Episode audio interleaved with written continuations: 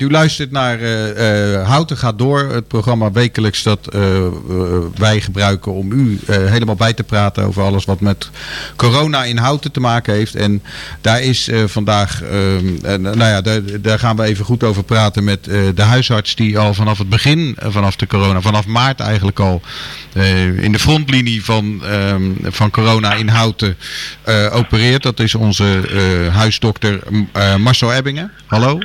Ja, hallo. Hallo. Fijn dat, u, ja, fijn dat u er weer bent om ons, uh, om ons bij te praten. Um, de afgelopen anderhalve weken waren er wat geruchten, uh, misschien zelfs iets langer, maar dat het in onze verpleeghuizen niet goed gaat.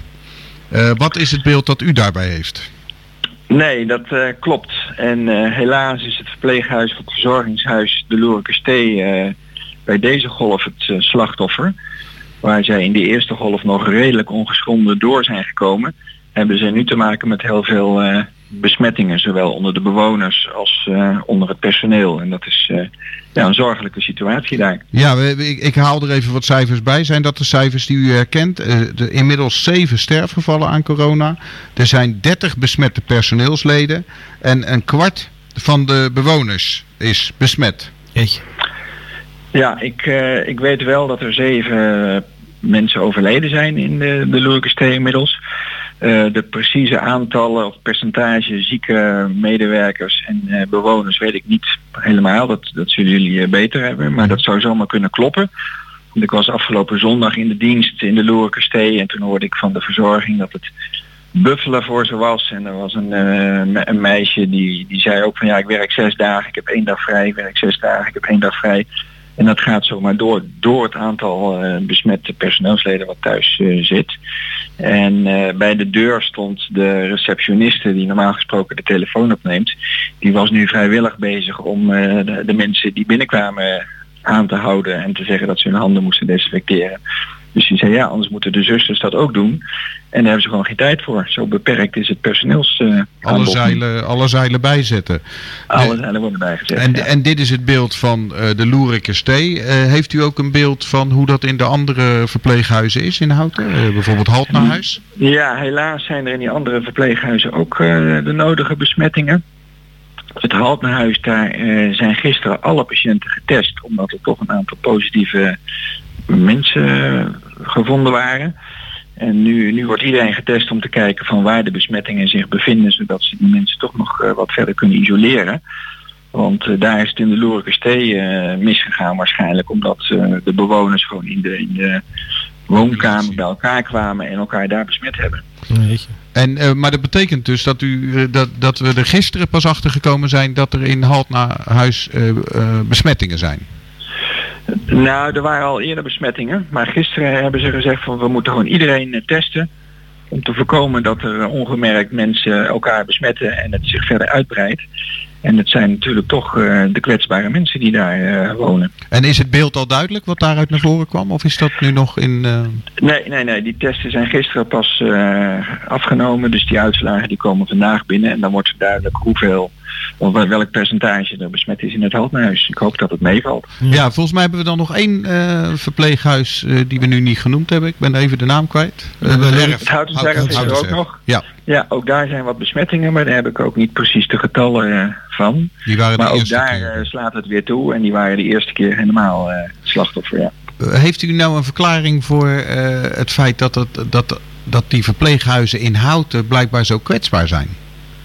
Of is dit een beeld wat je in het hele land ziet? Nou ja, ik, ik denk dat het ook een kwestie van uh, een beetje geluk en wat pech is. Uh, de Lorikstee is in de eerste golf uh, gespaard gebleven. En is nu helemaal dubbel het slachtoffer lijkt het wel. Dus waar het aan ligt, denk je van nou ja, ze hebben nu meer persoonlijke beschermingsmaterialen, daar is geen uh, gebrek aan. Dus ik denk dat dat ook met pech te maken heeft en dat uh, mensen elkaar onge ongemerkt besmetten. En als iemand het binnenbrengt in die tehuizen waar de mensen toch dicht op elkaar wonen, dan uh, gaat het virus erop rond.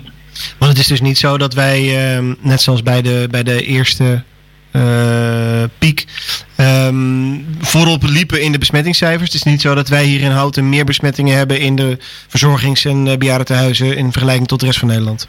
Nee, er zijn, er zijn verpleeghuizen waar het erger is, maar er zijn ook verpleeghuizen waar ze het wel uh, buiten de deur hebben weten te houden. Alleen je weet nooit voor hoe lang dat is, want het virus waart nog rond. Hoewel de cijfers nu afvlakken en ook in Houten er minder besmettingen zijn, loopt het toch, dus het aantal zieken loopt nog op. Ja, we hoorden van de burgemeester die ehm, net vertelde dat uh, wel uh, sprake was van afvlakking van de cijfers. Maar dat gek genoeg de ziekenhuizen in de buurt nog steeds hun bedden vol zien lopen.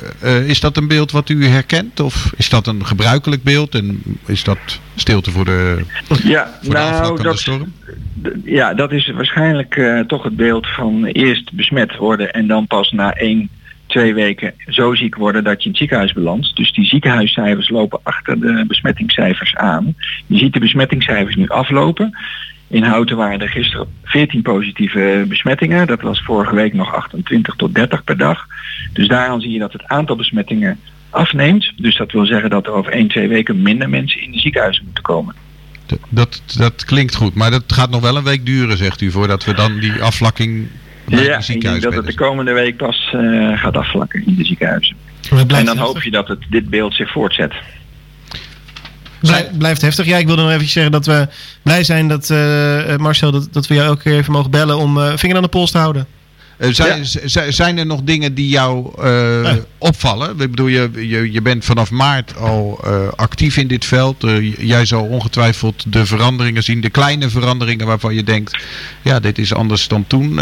wat betekent dit nu weer? wat, zie je dingen die je nog zorgen baren?